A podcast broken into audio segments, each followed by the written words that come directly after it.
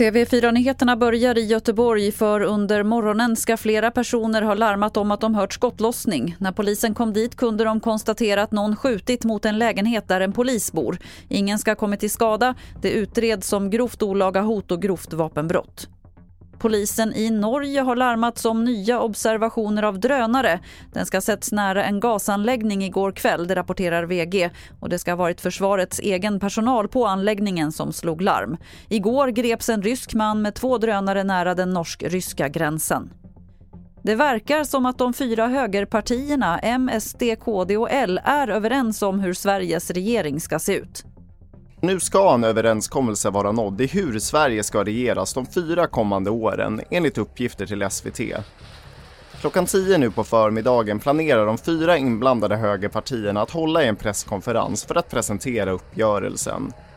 En timme senare vid 11 ska moderatledaren träffa talman Andreas Norlén för att ge besked. Reporter här var David Olsson.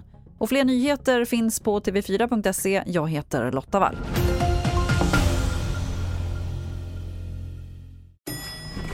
Nej. Dåliga vibrationer är att gå utan byxor till jobbet. Bra vibrationer är när du inser att mobilen är i bröstfickan.